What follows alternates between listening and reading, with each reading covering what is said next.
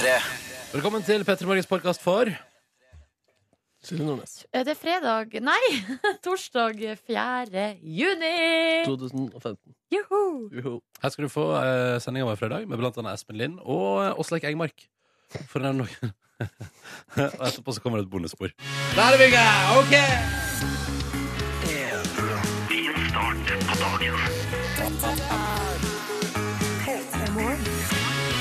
Sånn, da tenker jeg at det sitter ja, ja, ja, nei, nå går alt så mye bedre.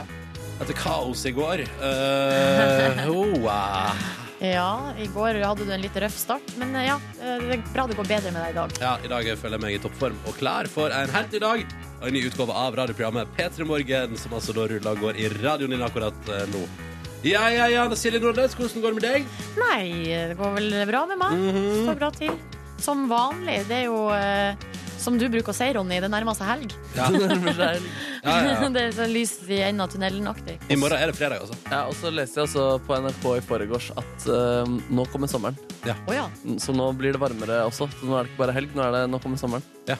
Så da er det jo bare å feire på en og andre måten akkurat som du vil uh, at det nærmer seg. Og vi skal prøve å gjøre torsdagen litt finere i P3 Morgen i dag for deg. Markus er her, Silje er her, jeg som heter Ronny er her. Espen Lind kom på besøk til oss i dag. Ja, det, er liksom, det er mye på tapetet nå, fram mot eh, klokka ni. Eh, og så håper vi at du der ute har det fint, ikke minst. Eh, og beklager det tekniske rotet i starten, det jeg er lei for. Eh, skal skjerpe meg. Det er lov å gjøre feil, som vi, det si- bruker vi òg å si her i P3 Morgen. Ja, ellers hadde ikke vi overlevd som radioprogram. Hadde du vært en ekstremt usympatisk eh, fyr som jeg ikke likte, så hadde jeg slitt mer med det. Men når du gjør det, så blir det nesten en, eh, et, et, et søtt trekk ved deg. Et søtt trekk. Det er faktisk blitt trekk ved deg. At du trykker feil på Ja, ja, ja. Det skjer ofte feil. Men uh, som jeg pleier å si, hverdagen er ikke problemfri, og det er bare greit. Deilig hvis det er det eneste problemet du har i hverdagen. da Ikke sant? Ja, At jeg trykker litt feil. Ah, nei, jeg skulle rydda hjemme òg. Ja. What else is new? ja, what else is new? Og så funka ikke grillen min. Men altså, det, dette kan man velge å henge seg opp i og bruke tid på. Jeg velger bare å s- cruise gjennom, fortrenge, cruise gjennom og nyte livet på best mulig måte. Så godt jeg kan. Og det fungerer. Ja, de er jo det. Ja. Det er det som er så fint. Uh, vi i P3 Morgen uh, digger at det er allerede 4. juni. Mm. Å, I dag har pappa bursdag. I går hadde pappa bursdag. Gratulerer med dagen, pappa. Grat gratulerer med dagen, pappa til Nørnes Og overstått med din, da. Hva er det igjen, han pappaen din? Oddvar. Oddvar, ja! Ja, ja. Oddvar. Hvor gammel ble han? 62 år. Shit, nærmer seg pensjonsalder nå. Nei, ett år eldre enn faren min. Søren, vi kunne vært ja, de kunne på sykehus sammen. Det kan jo- Sykehus. Ja, ble født på samme sted, liksom. Å ja, sånn sett, ja. Ja, Jeg trodde du beklager. mente at de var så gamle. At nå var det Det må- bare å sende de rett eh, Det må vel mer til eh, for at jeg skal holde på samme sykehus enn at jeg er født ett år fra hverandre. Ja, det skal sikkert litt mer Ja, til. jeg skal litt mer til. Eh, da sier vi gratulerer til pappaen til Nordnes. Gratulerer til pappaen til Markus, som hadde bursdag i går. Mine foreldre har ikke bursdag i nærmeste framtid. Sånn at jeg er opplyst om det også. Åh, den låta her. Vet du hva den minner meg om? eh, Silje Nordnes. Nei! Nei, jeg husker, fordi My Chemical Romance var jo lenge et utskjelt band. Og man prata om det var emo-bonanza, og ingen tok det seriøst. Og sånn. Så Ja. kom de med dette der eh, The Black Parade-albumet sitt, som liksom Så bare husker jeg at eh, Jeg husker at jeg var liksom på badet mitt da jeg studerte i Halden, og så hadde jeg eh, radioen innstilt på P3, og så var det liksom en musikk Jeg husker ikke om det var musikkanmelder som kom sånn og sa sånn eh, Det her hadde jeg aldri forventa. Dette er det sjukeste jeg har hørt. For et episk album. Terningkast seks. Nei! Og så, ja, og så var det sånn jeg skjønner, jeg skjønner ikke Hva var det som skjedde med My Chemical Romance? Liksom? Og den låta er jo helt så episk. Og jeg husker at den liksom var ofte soundtracket. Det var liksom I den perioden der så hadde, det, det, var liksom, det var radio på badet, så da, det var ofte soundtracket til at jeg tok meg en dusj. Ja, Så det minner meg om renhet, da, den låta her. 'Welcome to the Black Parade' av My Chemical Romance. Fabelaktig låt, altså. Og deilig å liksom starte måte, Hva skal man si? Liksom, klokka er to over halv sju, det er torsdag. Du der ute er sammen med meg og Nordnesen. Det er tidlig på dagen, og nå starter vi liksom med et skikkelig sånn rocke-anthem. Ja. Du, jeg, jeg kom liksom aldri over den der uh, utskjelte biten av My Chemical Romance. Jeg har ikke noe forhold til det bandet, bortsett fra det at det liksom uh, At det alltid ble snakka om at det var bare Emo, emo, emo, emo, og at det, det var dårlig, liksom. Ja. Ja. Og du synes den låta beveger seg på noe vis? Når jeg hører den sånn på radio, så kan jeg jo få, jeg får litt sånn eh, Får litt uh, minner, eller at det, tar meg liksom tilbake. Ja. Men til ei tid da jeg kun kanskje hørte den på radio av og til. Har ikke søkt opp det albumet og hørt på det albumet i det hele tatt. Det har jeg ikke gjort, altså. Nei, Men jeg kjenner jo at uh, din entusiasme nå smitter, så jeg får jo lyst til å gå og søke det opp og Ja, kanskje ta meg en runde. Og Ta et lite rocke-anthem. Prøv den der når du trener, liksom. Ja. Bow, bow, wow. En episk. Ja, fint. Det var nydelig. Dette er P3 Morgen, som håper det går bra med deg som hører på. At du har det fint der ute. Vi, skal, vi tenkte straks vi skulle ta en liten runde da, og høre hvordan det går med deg. Så hvis du hiver deg på og forteller oss hvordan det står til, så er det enten P3 til 1987 på SMS, eller eh, ved å nytte hashtaggen P3morgen i sosiale medier. Det er også mulig. Mm. Ja, og det går an å sende mail òg, skal jeg bare legge til. Ja, ja, ja. p3morgen.nrk.no. Ikke sant? Den er åpen her i døgnet, den. Yep. God torsdag til deg som hører på. Vi spør jo hvordan det går der ute. Hvordan har folk det i dag? Det er torsdag 4. juni, og der, denne meldingen liker jeg så godt. Det er gamle Erik fra Vennesla som melder. Og der traff sommeren Sørlandet. Shorts klokka seks på morgenen. Kaffe eh, og radio på full eh, gnu. Det liker jeg. Full gnu. Full gnu. Eh, så gamle Erik er, er altså da ikledd shorts, og det syns jeg er et nydelig bilete å tenke på. Og så tar vi òg med Tony som sitter og stamper i kø inn mot Oslo, og som gjerne vil høre Lunsjmon Louis sin låt eh, Bills. Og den ha, kan, jeg kan røpe såpass som at eh, det er pla vi skal spille den i dag. Og du har den liggende klar, Ja, liksom. Den ligger litt nedi her. Ja. Eh, men vi, vi drar den ikke opp, vi sparer den, så vi venter på noe godt. Så da, Tony, får vi håpe at eh, køen blir lang, da, så du rekker å høre eh, Bills før du er framme eh, på din destinasjon. Vi krysser fingrene for det. Ja. Eh, jeg liker denne meldinga fra Brian òg, som sier eh, Første dag i ny jobb i går. Eh, jeg liker avdelingsfest. Mm. Jeg liker ødelagt allerede andre dag på jobb. Og det er så eh, godt jobba, syns jeg. Ja, ja, At man liksom, ja, eh, fordi det er litt sånn, Man er jo nervøs i Ja. begynnelsen i en ny jobb. Mm. Eh, Og jeg ser for meg i går Brian her var sikkert eh, litt sånn ekstra nervøs. Og så legger du liksom fest, alkohol oppå der igjen. Er farlig. Eh, Det kan være farlig, ja. Og så fyllenerver i dag. Det, altså på andre dag på jobb. Det er altså en oppskrift til uh, å Etterfølgelse, ja. Helt enig med deg, Silje. Helt enig med deg. Uh, men da kan Brian tøste seg med at han er iallfall ikke i følgende situasjon. Her står det skal opp i eksamen uh, i matte muntlig i dag. Og håper alt går som det skal. Hilsen utrolig nervøs jente. Og så har vi òg fått en tekstmelding der det står fra ei anna nervøs jente. Sitter og sminker meg. Og er utrolig nervøs for muntlig eksamen i dag. Halv elleve. Matte. Da er det vel, virker det som at det er den dagen i dag, da. Den store muntlige Muntlig mattedagen. mattedagen, ja. ja. eh, Eller det verste som kunne skjedd meg, eh, som jeg vil omtale det som. Ikke for å gni salt i såret for dere som skal opp i matte muntlig, men altså, fy fader, altså, i min skolegang så var det det verst tenkelige. Og da var det til og med ganske decent å komme opp i naturfag muntlig, selv om det også er- gikk jo til helvete. Men Å eh, ja, fordi naturfag, det var mitt favorittfag. Var det, det var, så- hvis jeg, ja, da jeg kom opp i det i, eh, i, på ungdomsskolen, det var sånn yes! du bare Og første da, klasse på videregående òg kom jeg opp i det. den dagen Silje skjønte at du kunne få pirke døde dyr, og hvis jeg blanda det her igjen, så laga jeg eksplosjoner, så var du på en sånn naturfag. Yes! Ja. Veldig lite pirking i døde dyr eh, i våre Vi var innom det, tror jeg. Ja, vi var kanskje det så vidt, men vi hadde, var ikke innom det på muntlig eksamen. Men så føler jeg det som er så dumt Her har du en frosk, disseker den. Nei, nei, nei, nei, nei, nei. På, muntlig var det spørsmål, men jeg tenkte på, jeg tenkte, nå tenkte jeg på faget. Jeg, da. Ja. Uh, men så husker jeg at det er litt sånn, jeg skjønner hvorfor det ikke er så mye det risikering av dyr i naturfag. For det er sånn ja, Prøv å ta med dødt, et eller annet dødt som skal eh, rives opp i filler, inn i et klasserom med også ungdommer.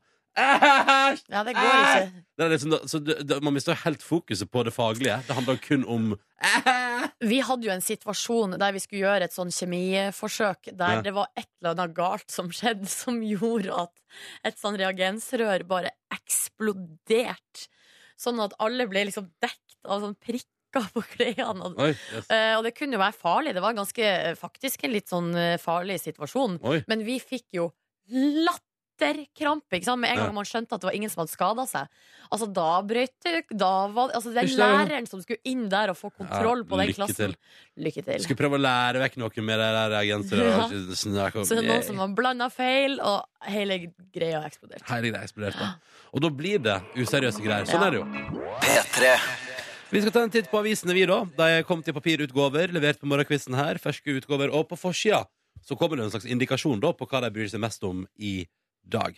La oss starte, Silje Nordnes, med ei gladsak. Nei, det er jo ikke det, men det er infosak som jeg syns er interessant info. Det handler om at eh, på forskjell av Dagens Næringsliv i dag at eh, norske meglere advarer mot impulskjøp av leilighet. Og det det er snakk om, er at vi nordmenn bruker så utrolig kort tid på visning. Ja. Ja, Vet du hvem som bruker min, absolutt minst tid. Er det kvinner? Nei, det er menn, unge og trøndere som er raskest innom og stikker igjen. så hvis du er mann, ung og trønder, så er du altså per def den som er raskest innom. Og her står det jo da altså én av fem nordmenn er på visning i under 30 minutter før de gjør en av livets største investeringer. Men- Og unnskyld meg, der kan jeg bare sign me up. Jeg tror jeg var innom et kvarter. Ja. Jeg tror kanskje også at jeg var innom eh, Det var ikke over en halvtime, nei. Nei, nei, nei. Men det var litt sånn òg at eh, når man har tatt runden, liksom, Ja. og eh, prøvd å liksom gå gjennom de der sjekkpunktene, sånn, kjenne om det lukter noe Ja, ja. En mugg, eh, sjekk på badet, at det ser bra ut, eh, sjekk eh, vanntrykket i springen. Så er det litt sånn Nå har ikke jeg kompetanse til å gjøre noe mer her. Nei. Hva skal jeg gjøre? Stå og henge, føle?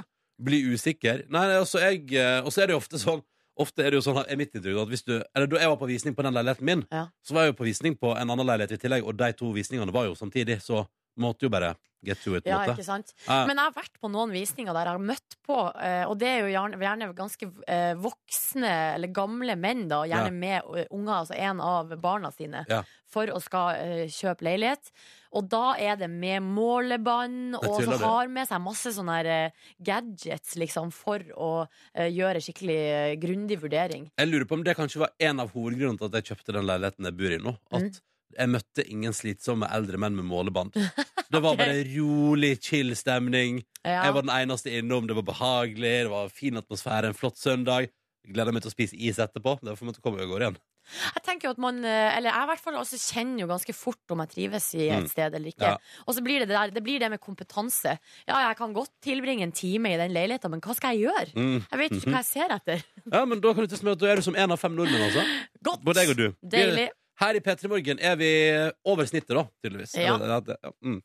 På forsida av eh, VG i dag så er det altså eh, Jon, eh, fokus på Jon Carew, som nå da altså har 30 eiendommer. Ønsker seg to barn til. Har altså fått seg ny kjæreste. Han jobber frilans. Altså hvis du lurte på hva Jon Carew holder på med nå, så jobber han altså frilans TV som eh, ekspert i England og litt i Norge for TV 2. Han sier at eh, hvis han hadde villet, så kunne han ha jobba hele tida. Vet du hva, Jon, skorter vet, ikke på vet du tilbud. hva jeg leser ut av dette her? Nei. Han sitter godt i det nå, han. Hæ? Han Det sitter på høres, 30 eh, eiendom og bare pumper inn inntekt. Han trenger ikke løfte en finger hvis han ikke vil. Og hvis han vil løfte en finger, så sier TV 2 vi betaler shitloads.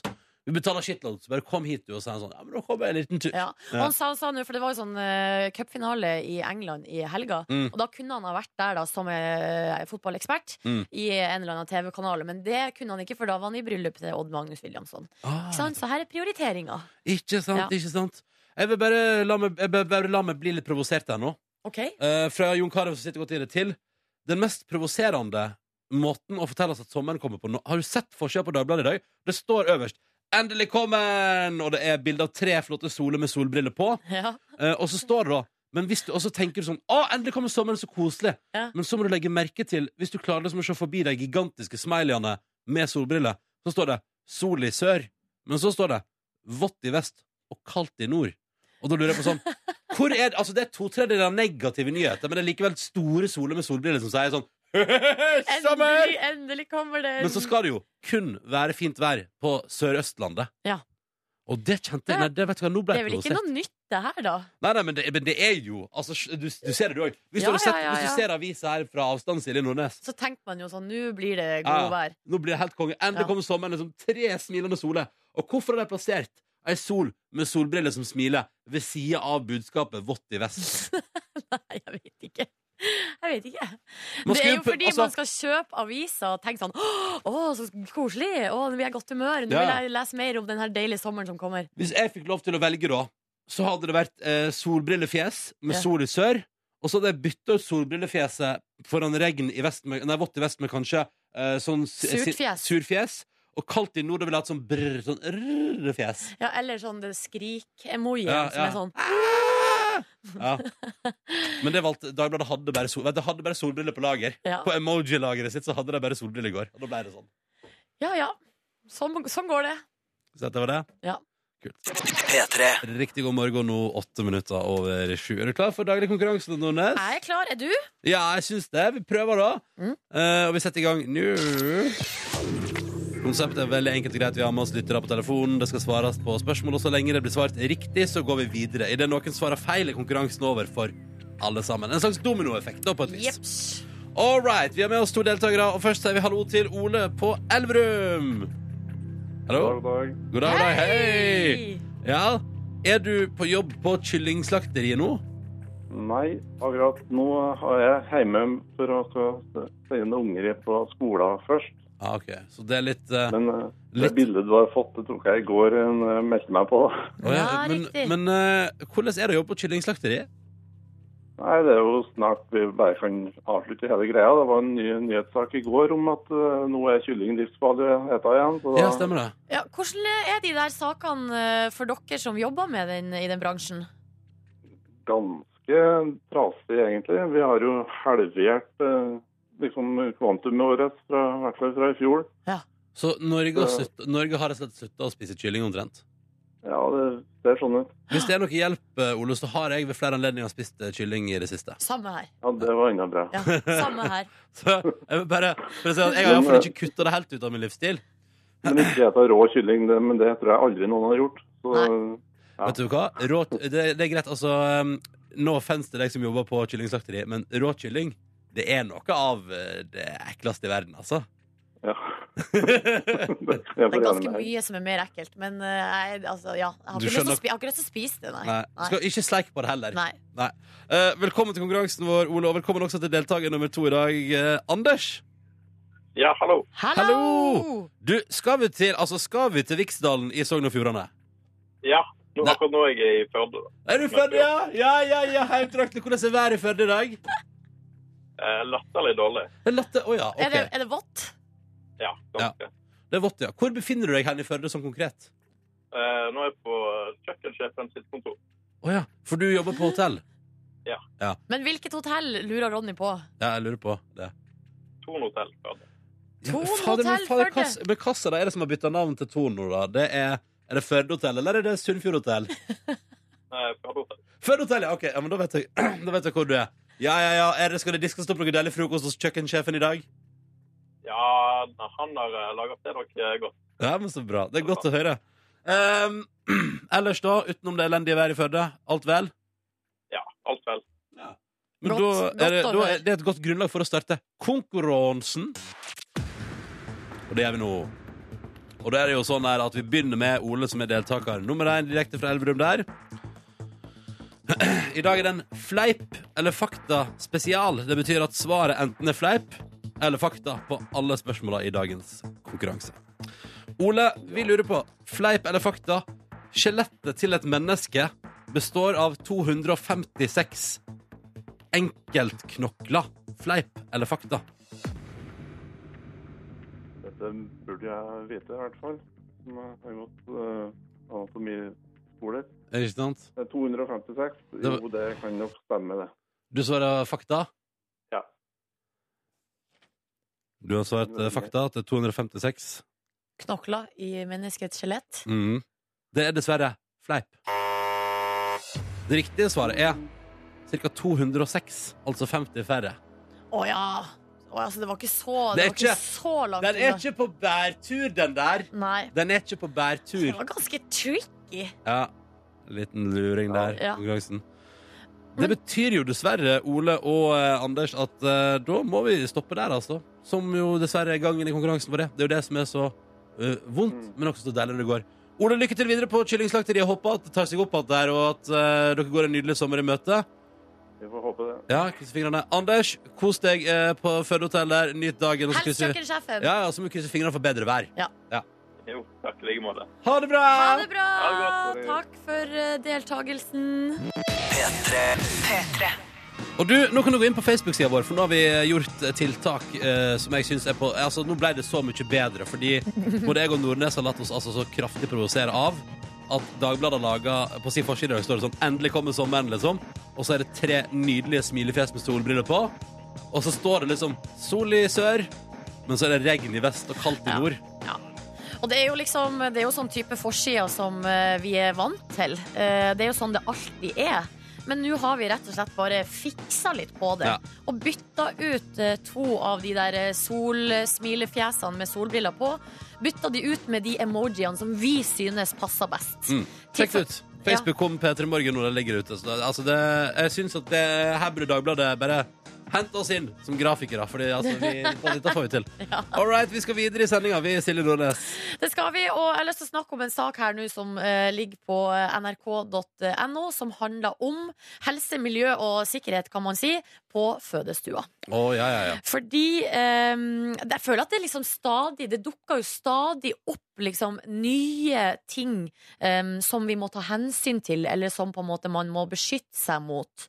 Eller man hører altså før i tida, i gamle dager, så var det jo ingen som snakka om helse, miljø og sikkerhet. Da, da Såkalt man HMS. ja, da dreit man jo bare i, i alt. Eh, Men det førte jo da til uh, flere skader og, videre. Folk- Tenker du på noe i yrkeslivet, eksempel med oljedykkerne som skulle finne olje for Norge, og som bare ble sendt langt ned i dypet uten noe tanke på helse, miljø og sikkerhet? eksempel. Eller For folk som jobba i gruve, som eh, holdt på til fuglen de hadde med seg daua? Ja, ja, ja. Mis. Altså, eh, mista syn, mista hørsel, eh, mista livet i verste fall. Um, men nå har de altså oppdaga eh, en ny ting som vi må ta hensyn til. Eh, og det er altså på fødestua, for der har de hatt en forskningsundersøkelse i Sverige og funnet ut at jordmødre får hørselsskader av fødende kvinner Ja, men hva? som remja i fødestua. Å, jeg trodde du sa revna nå. Eh, Nei, nei, nei, Men nei. vet du hva? Det tror jeg så innmari på. Ja, At de, men hvorfor har ingen tenkt på dette før? Altså, Jordmødre burde gå med sånn formstøpte ørepropper. Det er jo sikkert bare en kort vei ned i korridoren for å få lagd det også. ja, ikke sant? Ja, ja, ja. Uh, og her har de jo liksom uh, gjort forskningsundersøkelser. Og uh, det viste at støynivået i nesten halvparten av arbeidstida til jordmødre da overstiger grensen for daglig eksponering, som er altså 80 desibel. Og så i tillegg, altså ved 50 Altså de har målt 61 fødestuer. Ja. I 50 av dem så var altså lydnivået eh, høyere enn eh, 115 desibel, som er altså over det som er på en rockekonsert. Det her er helt, det her er helt Det nydelig. er ganske intenst. Og vet du hva jeg tenker? Ja, vet, det, det er så masse jeg tenker. Jeg tenker at selvfølgelig at, Men, men det, altså, vi måtte til 2015 før noen tenkte på det. Det Ja. syns jeg kanskje er det rareste. Ja, fordi man, jeg har tidligere hørt, så har man jo hørt eh, at ansatte i barnehager har snakka om at de får tinnitus av Ja. alle skrik, skrikende eh, ungene. Men her er det altså eh, noen som får eh, holdt på å si, problemer av barn allerede før de er født. Boom. Boomshay! Ja. Jeg Så sånn, altså, idet de er på vei ut, så får man hørselsskade. altså, når du tar kraftig i, Silje, så kan Og når du virkelig Når du er godt uh, sig, Ja. så har du et ganske Altså, altså Får du hørselsskader Nei. Av å jobbe i lag med meg? Nei, nei, nei, nei, nei. Jeg bare sier at jeg, jeg ser på deg som på, Altså den jordmora som får deg den dagen du skal føde kid, hvis du Eh, skal, Ja. etter mye om og men, eh, så, så ser jeg for meg at der må du ørepropp inn. Da. Altså, jeg har jo eh, Du har, du har ei røst som bærer, hvis du vil. Jeg har ei røst som bærer, men det har jo du òg. Ja, ja, men jeg skal ikke føde. her-. Nei, men du skal jo kanskje være med på fødestue en gang i framtiden? ja, ja. Uff, ja, det kan fort hende at jeg blir en sånn fyr som roper mer enn det. Ja, Ja. Men, eh, men, men dette, dette må man bare innføre, tenker jeg. Man må bare få på altså, her, Få altså, på noe hørselsvern. Fordi, man, altså, jeg vet ikke, det er liksom sånn Det er kult å sitte og si sånn Ja, jeg tar imot et nytt liv hver dag på jobb. Mm. Eh, men når du suser på det meste i den tinnitusen, og det ligger en sånn i- konstant inni hodet ditt, så tror jeg nesten ikke det er verdt det lenger. Altså. Nei. Nei. Velkommen til P3 Morgen. Espen Lind, hei! Hjertelig takk. Du, hvor, hvor det går med ryggen? Ja, du, det går bedre nå. Det går bedre nå? Ja, det går bedre nå. Hva er det som har skjedd med ryggen din? Du, nei da, jeg har noen sånn eh, Jeg har noen problemer med v- Terapeuten min sier at jeg sitter i nakken, men jeg får vondt nedover i skuldrene. Så den, det er en gang eller to i året så slår nakken seg helt, og så blir jeg liggende. Oi! Og da, da blir du liksom liggende en periode? Ja, da, blir jeg, da er det sånn Da har jeg et par dager hvor jeg ikke klarer å Da må jeg bevege sånn overkroppen og hodet i ett. Jeg kan ikke vri på hodet, og så må jeg ligge i ro. Og, Blir robotaktig, liksom? Ja, rett og slett. Rett og slett. Ja. Ja, men, eh, men sånn er det å bli gammel, vet du. Nå- Men nå er du back on track og klar for finalen eh, i The Voice eh, Det til helga. Yes. Yes. Um, jeg lurer sånn på hvordan er det å være Altså rett og slett uh, Du har vært med å velge ut folk. Hvordan er det nå å la publikum få bestemme? Er det litt irriterende? Det er litt todelt. På den ene sida er jeg jo, jeg er jo veldig glad i å bestemme ting her i verden. Så jeg syns det er litt, eh, det er litt eh, sånn skummelt at publikum skal bestemme.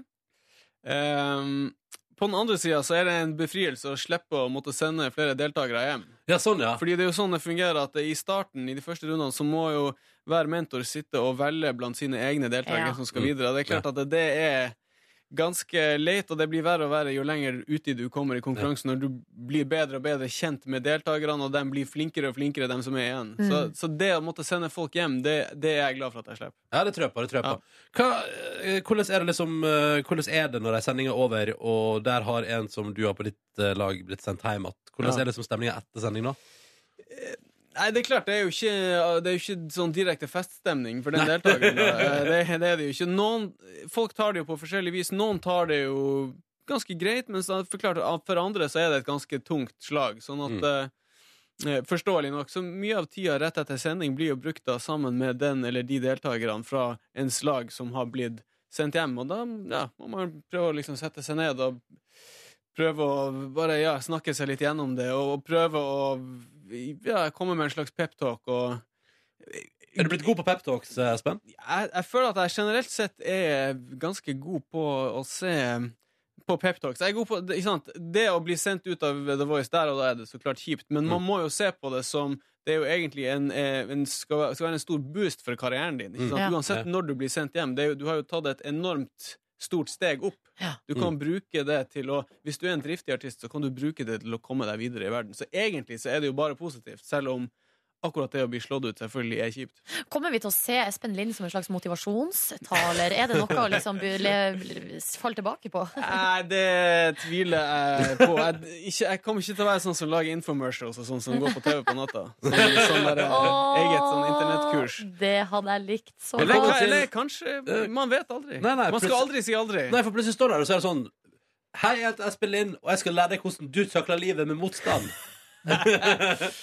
Jeg, altså, ok, jeg, vet, vet du hva? Jeg, jeg er blitt såpass eh, Jeg er såpass eh, sånn eh, klarsynt, eller gang, har mye såpass mye gangsyn, at jeg, jeg, jeg sier Jeg er litt sånn Man skal aldri si aldri. Ja. Jeg har veldig hardt for å tro at det kommer til å skje, men, jeg, jeg avviser ikke noen ting kategorisk her i livet. Ja, det tror jeg er veldig smart.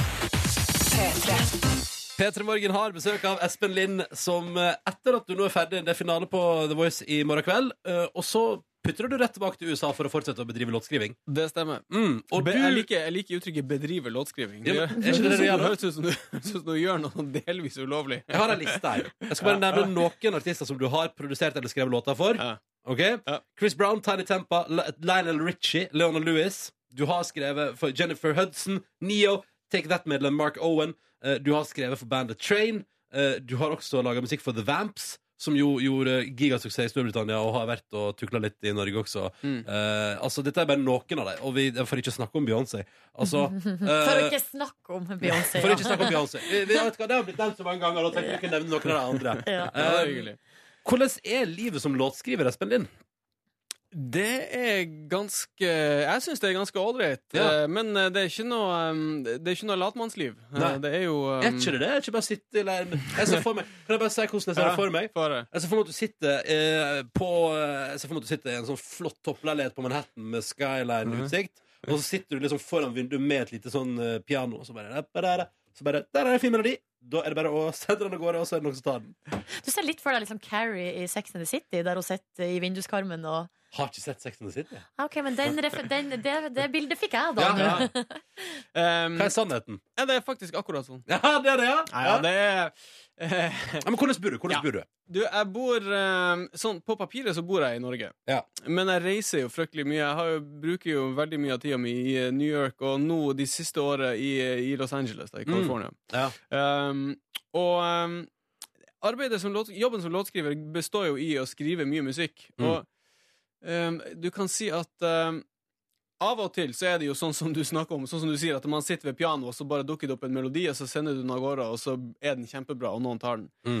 Men realiteten er jo at mellom de eh, gullkornene der, de store øyeblikkene du, du har som låtskriver, så må man skrive fryktelig mye musikk som er kanskje ganske middelmådig, som man må forkaste. Og det lurer jeg på, for hver liksom, hit du har hatt, hvor mange middelmådige låter finnes det? Ja, det finnes sikkert altså det er sikkert hundrevis som aldri ser dagens lys. Som du, du skriver dem du, Kanskje du gjør dem ferdig og legger dem i skuffa, eller kanskje du bare du avslutter dem når de er sånn 80% ferdig, for du bare skjønner at det kommer ikke til å bli noe. Det, det er jo realiteten med det å være låtskriver, at veldig mye av det du skriver, er eh, bare sånn passelig. Mm. Og, og, og skal du være låtskriver, og særlig hvis du skal være en låtskriver som skal eh, på en måte levere låter til andre artister, så, så er det liksom Da er det ingenting under eh, 100 som er godt nok. Mm. Så har du nå- når, når du skriver låter, har du, har du artisten liksom i tankene mens du skriver? At du liksom Ja, jeg får ofte det spørsmålet, og svaret er vel at eh, av og til, eller faktisk ganske ofte, så sitter man kanskje Hvis man skriver sammen med noen, så sier vi Mm. ok, la oss prøve oss Vi vet at den og den artisten er på utkikk etter en låt. La oss skrive en låt til han. Ja. Og så begynner man der, men eh, jeg har enda til gode å oppleve at låta faktisk ender opp der. Fordi låtene de tar ofte sitt eget liv, ikke sant? Ja. og så plutselig så hører du at ja, men det er jo ikke en låt for han, det er en låt for hun. Ja.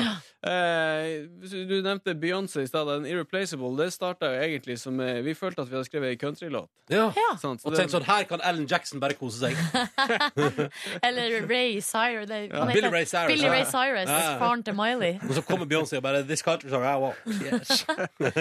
det er rått, da. Har du liksom, hva er det største kicket man kan oppleve som um, låtskriver når man gjør det på fast basis, Espen?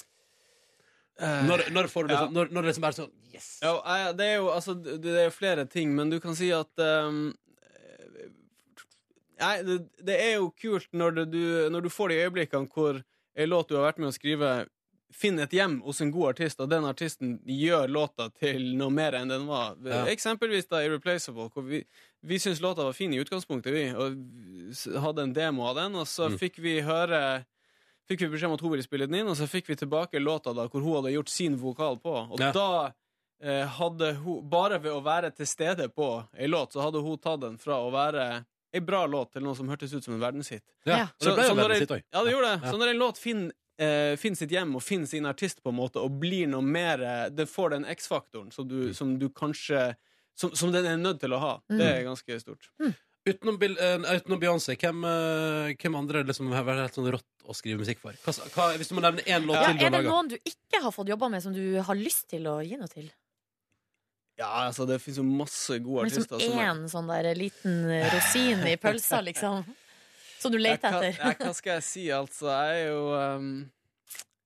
Nei, ja, det er vanskelig å si. Jeg er jo gammel eh, Jeg er jo gammel Kiss-fan, så jeg hadde alltid sånn drøm om å skrive låt til Kiss. Yes. Ja. Så, Men Paul Stanley han spilte inn en låt som jeg har vært med for å skrive for noen år siden, så da fikk jeg sånn delvis oppfylt eh, det, det ønsket. ja, det er nice. Eh, men eh, nei, ellers ting som har vært veldig artig å jobbe på. Altså For meg så er jo kanskje noe av det morsomste det arbeidet som jeg har gjort med det bandet som heter Train. Ja, Train, ja.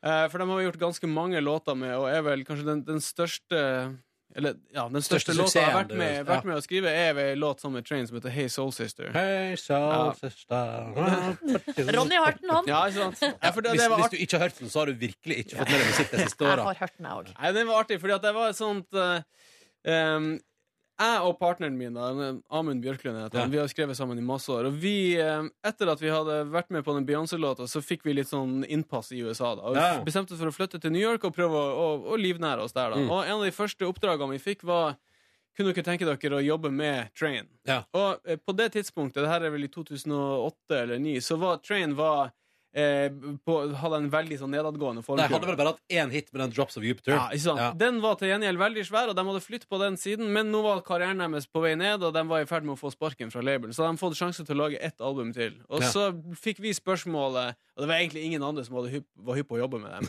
Men vi var nordmenn, ikke sant? så vi skjønte ikke hvor ukule de var. Så vi var sånn Ja, ja, faen, kult, det jobber vi gjør gjerne en låt med. Møtte dem i studio, skrev en låt sammen med dem som eh, Som eh, endte opp med da å ha eh, ukulele og basstromme og vokal. Ja. Og eh, vi syns det er en låt kjempetøft, og bandet syns den låt stilig. Så sendte vi den til plateselskapet. Mm. Og jeg husker at sjefen i plateselskapet ringte oss opp, og, og, og så sier vi liksom Ja, hva syns du om låta? Og han bare the fuck are you Norwegian smoking? I hate it! It's awful! A fucking ukulele and a kickdrum, it'll never work! Ja. Men Men- heldigvis så sto bandet på sitt Ja. og ga den ut som singel, og det ble liksom Han tok jo veldig feil, Ja, han har unnskyldt for det i ettertid. Ja, det, ja. Bra, bra, bra. Litt sånn som han som sa at eh, internett var ei døgnflue. Og... Ja, det er litt samme. Det Ja. er litt samme. Uh, Espen Lind, vi skal straks uh, ta en liten test på deg her i P3 Morgen, så bare heng på. Ja. P3 Morgen har besøk av Espen Lind. Veldig hyggelig å ha deg på besøk, Espen. Altid hyggelig å være her. her. og lade opp til The Voice-finale på fredag, og så er det rett tilbake til Uniten. Vet, vet du om noen du skal skrive musikk med når du kommer tilbake nå? Ja, du, jeg skal faktisk skrive med Train. Du skal, skal det, ja. Train Ja, de skal følge opp suksessen! Nytt, nytt album. Åh, spennende. Ja, det blir artig, Ja, det. ja, ja, der, der, har- og der må du hoppe etter deg sjøl, på et vis. Må Ikke etter Wirkola, men etter deg sjøl. hoppe etter Linn. Ja, Ja. hopp etter Linn.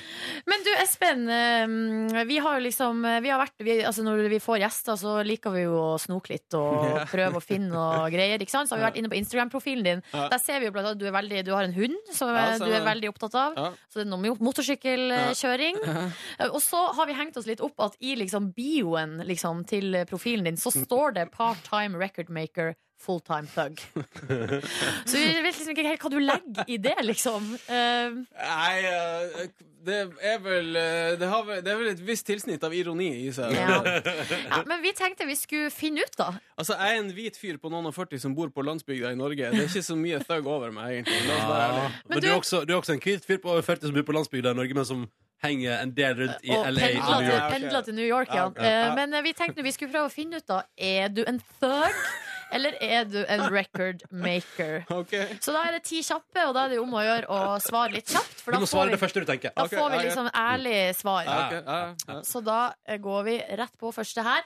Moshpit på festivalkonsert eller polstra sete på en musikal?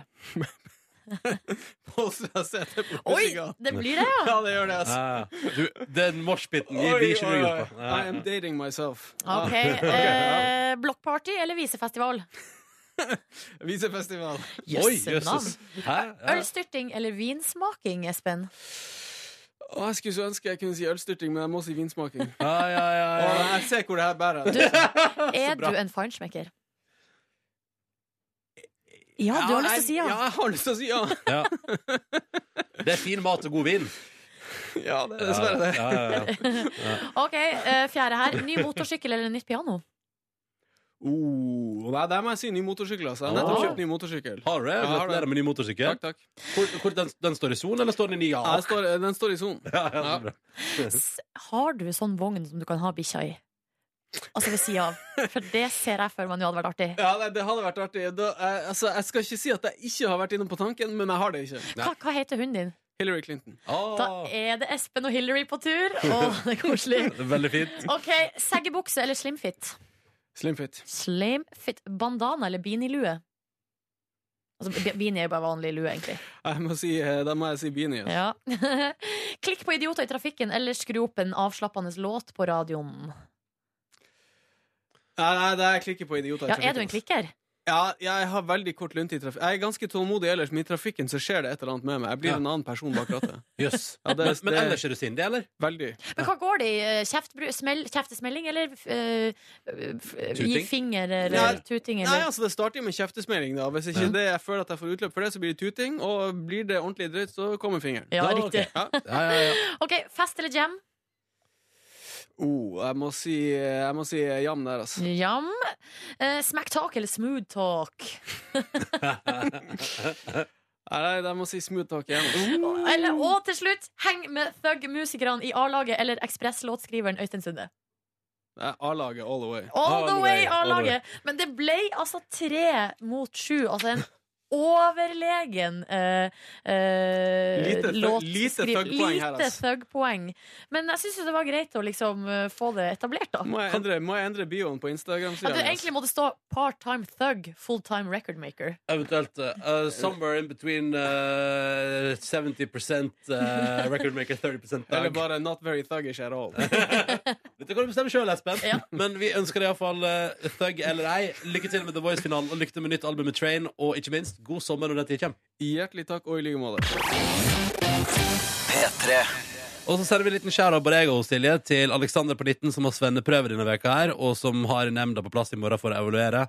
Jeg håper det går bra, Alexander. Bare puste rolig, gjennomføre jobben. Kommer til å gå så fint. Å, tenk så deilig når du er ferdig! Mm. Og så har jeg fått en oppdatering etter at jeg prata med Anders i konkurransen i stad, som var, befant seg i Førde og sa at været var helt eh, krise.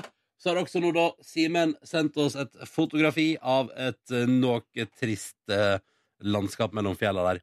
I grått, grått, grått, grått, grått, grått, grått, grått, grått, grått, grått, grått på SMS med koder P3 til 1987. Og nesten det som ser ut som nysnø oppi på fjelltoppene der. Ja, men det er jo det, det er nysnø oppi der. Ja, deilig. Jo Haug og co. måtte jo eh, redde, altså måtte jo grave ut bilen sin på Sognefjellet her, eh, så jeg snakk om.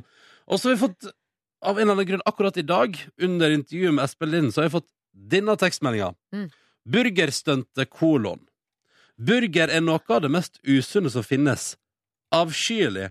Hvorfor ikke se hvor fort dere kan spise dere i hjel, idioter? Jeg skjønner ikke hvorfor kom den, hvorfor kom den nå? Nei, det er vel noen som har sittet og ruga på det noen dager og kjent, på kjent litt på det. Sånn, hva, hva syns jeg egentlig om denne burgerturen til Berlin? Ja. Og så har vedkommende funnet ut Nei, vet du hva, jeg liker det ikke. Mm. Og har tatt bladet fra munnen da i Ja. dag. Eh, jeg tror ikke jeg eter meg i hæl av å spise en burger Eller det. Nei, det tror jeg heller ikke. Uh, det var jo litt sånn eh, ha, hard Hard. kritikk. Ordet avskyelig har, det er så lada, det. Ja. Det er et ganske sånn, for det er et ganske sånn det er et, altså, Helvete et tydeligere ord og uh, gir assosiasjoner til et flammende landskap. Ikke sant? Veldig Ja. sånn konkret. Avskyelig, derimot, er veldig sånn, det, Jeg gir ikke meg noe klart bilde i hodet utenom en litt sånn klump i magen av en ubehagelig følelse når folk sier det om, om meg eller ting jeg gjør. ja, riktig. Tenk, fordi du, hvor sist ble du kalt avskyelig, Nei, det kan jeg ikke huske sist jeg ble, heldigvis. Flaks. Oh. Men skal jo sies at uh, i nå denne uh, burgeruka som vi er, har vært inne i nå, så har jo, dere har jo ikke fått særlig mye kritikk for å Altså, det er jo bare jeg, stort sett, som har vært kritisk til uh, den her uh, flytur-retur til Berlin for å spise burgerturen. Kan jeg anbefale dokumentaren av det hele som gikk på NRK3 i går kveld? Ja, det kan jeg anbefale jeg var, varmt. jeg synes den var veldig koselig minidokumentar av uh, meg og Markus sin burgerguttetur til Berlin. Eh, den er i P3 Morgen på TV, som jo er TV-utgaven av det radioprogrammet her, som går hver kveld 19.55. Fader! Skal jeg hente suve- jeg har med suveninen din? Har du med gave til Ja, meg? ja. Markus er ute på Where Have You Been eh, og driver og skal møte Vi skal ikke avsløre ennå, men så han er ikke her. Men jeg skal finne den. To sekunder. Ja, da går Ronny praten i gang nå. Jeg skal holde praten eh, i gang. Jeg kan bare fortsette litt på det jeg liksom eh, begynte på, som er at eh, i den her eh, Altså i den her eh, situasjonen med den burgerturen, så er jo den eneste som har fått eh, kritikk, er jo meg. Eh, altså Silje Nordnes, som har blitt kalt altså en dream crusher og en eh, party pooper eh, og, eh, og så videre og så videre, og har fått beskjed om å skjerpe meg i capslock opptil flere ganger. Ja. Og det er helt greit, det. Eh, Jeg må jo bare si at eh, jeg unner jo dere to å få oppfylle drømmene deres. Ja. Men sånn, eh, når det er sagt, så syns jeg det må være lov å eh, bevisstgjøre litt rundt eh, forbruk eh, og eh, måten vi behandler jorda Er vår du, på. er du på vei til å kalle meg avskyelig òg nå? Nei. Nei. Nei, nei, nei. For du vil, du vil ha jeg har ikke lyst til at du skal spise deg i hjel, sånn som han som eh, sendte Og er du sikker på at det ikke er en kvinne? Eh, Vet du hva? Så I det ordet avskyelig vi bruker, så tenker du at det er en mann. Kjære Silje, Ja. denne musematta har vi altså lagt på bakken der Hitler tok eh, livet sitt i Prøver du å 1945. kjø- Kjøper du meg til stillhet nå? Ja, det gjør jeg. Se hvor fin den er, da. Hæ?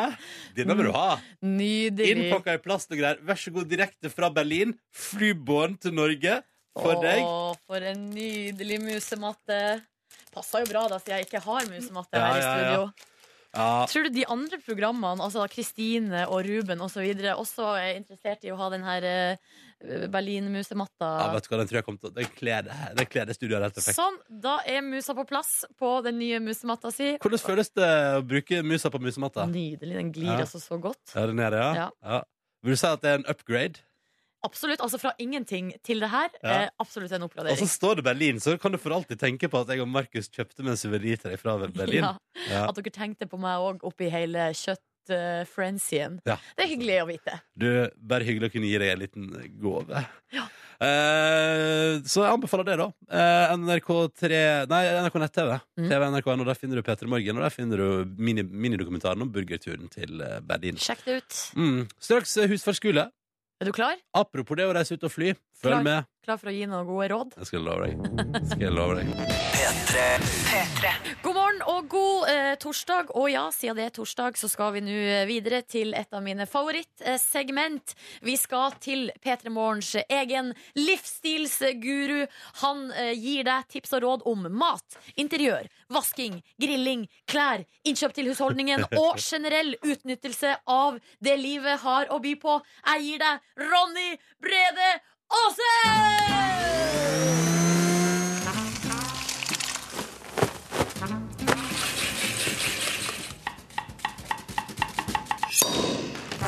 Hallo, velkommen til en ny utgave av Ronny Susvåg skole. I dag en Feriea-spesial. OK.